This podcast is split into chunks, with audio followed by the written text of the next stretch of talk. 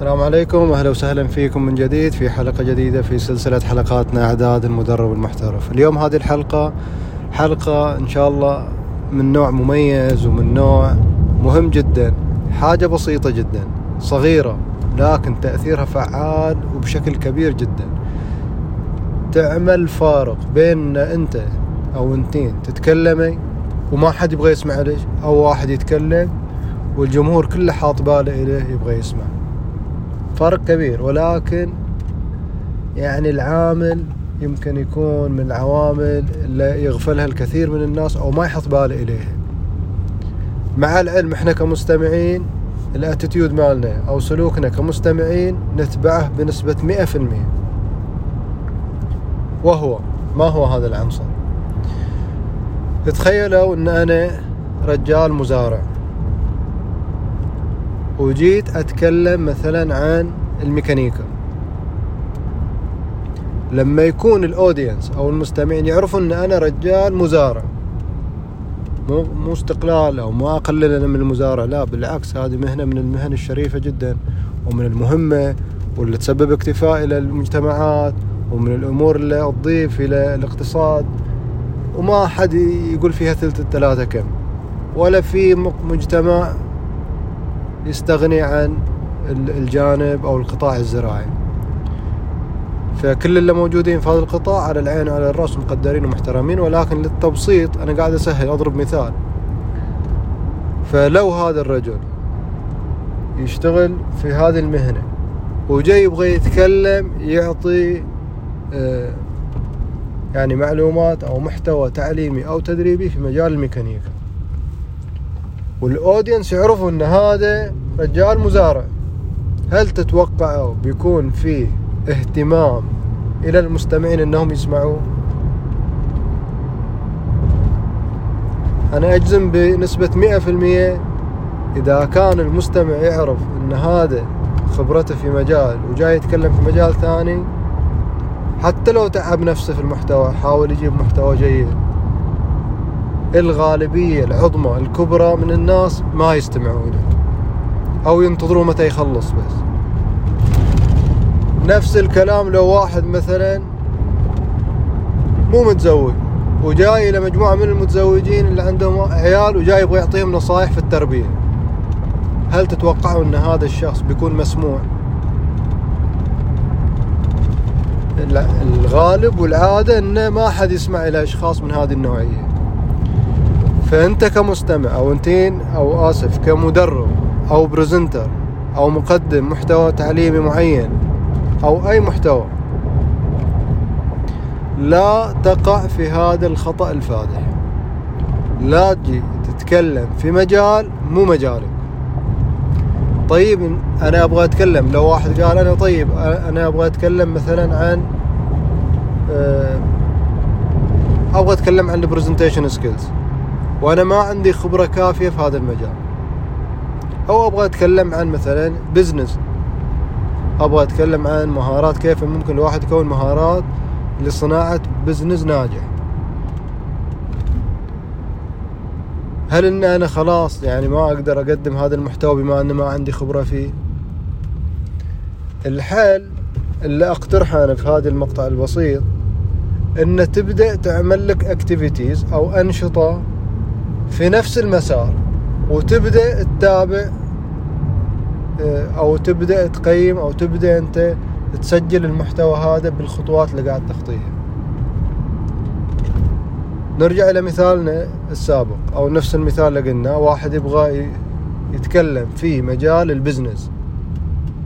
أول خطوة مقترحة إنه يبدأ business يحاول يشوف له نشاط مصغر نشاط بسيط تكاليفه بسيطة ويبدأ الآن كل خطوة يخطيها يحاول يتكلم عنها. طبعا هو يفكر في الفكرة. الحين هذا الشخص لسه ما بدأ business فبيقعد أول شيء في دائرة التفكير. فيبدأ يتكلم الأمور العقلية اللي قاعد تمر في ذهنه. كيف قاعد يفكر؟ كيف قاعد يقيم؟ كيف قاعد يختار ال business وش الحاجات اللي سواها؟ نوع ال research اللي سواه أو البحث؟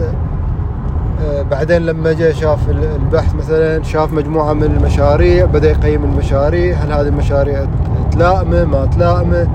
فكل خطوة يخطيها يبدأ يسوي عنها presentation هذا الشخص مع الوقت راح يكون شخص عنده محتوى قيم جدا لأن كل خطوة خطاها قاعد يتكلم عنها فريش قاعد يتكلم عنها بشكل طازج. الحين قاعد تواجهه هذه الأمور. فهو قاعد يعطي قبل لا بدل ما يعطي نصايح خليه كأنه قاعد يعرض الشيء اللي قاعد يسويه.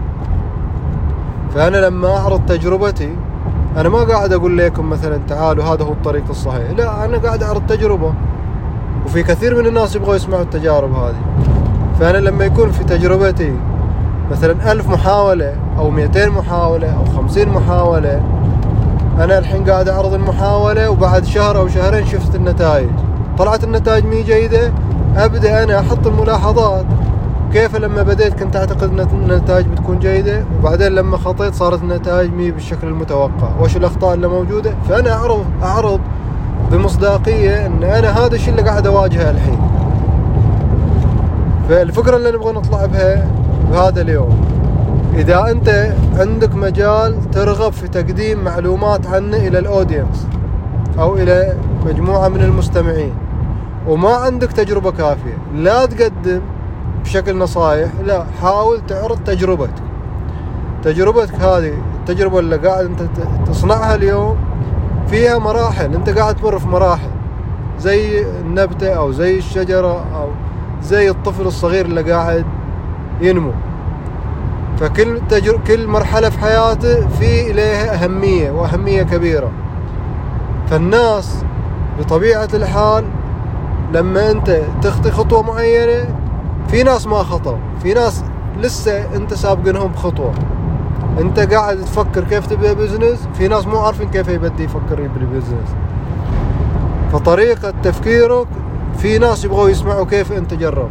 بعدين لما خلصت اخترت ال business لما جيت تبغى تختار الاسم كيف قاعد تبحث عشان تختار الاسم؟ لما خلصت الاسم جيت بتختار لوجو معين. فتبدأ تتكلم كيف انت اخترت هذا اللوجو المعين. بتجي تصنف مثلا آه، المرحلة العمريه العمرية اللي انت تبغى تخدمها.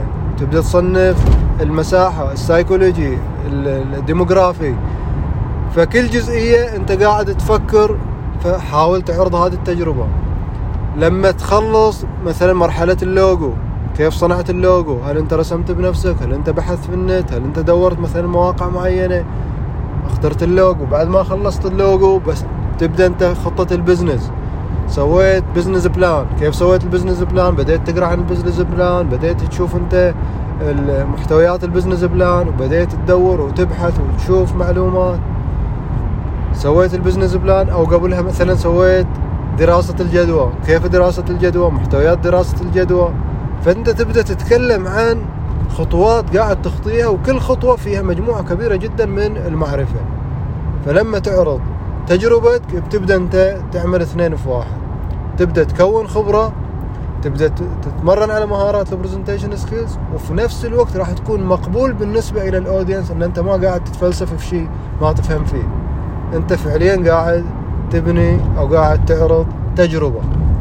فإحنا دائما نوصي الناس اللي توهم بادين يحاول يعرض تجربة ما يعرض نصايح إلى الناس بشكل مباشر. فقاعد أنا كأني أقيم نفسي والمستمع آه، يشوف هذا التقييم ويتعلم وياي.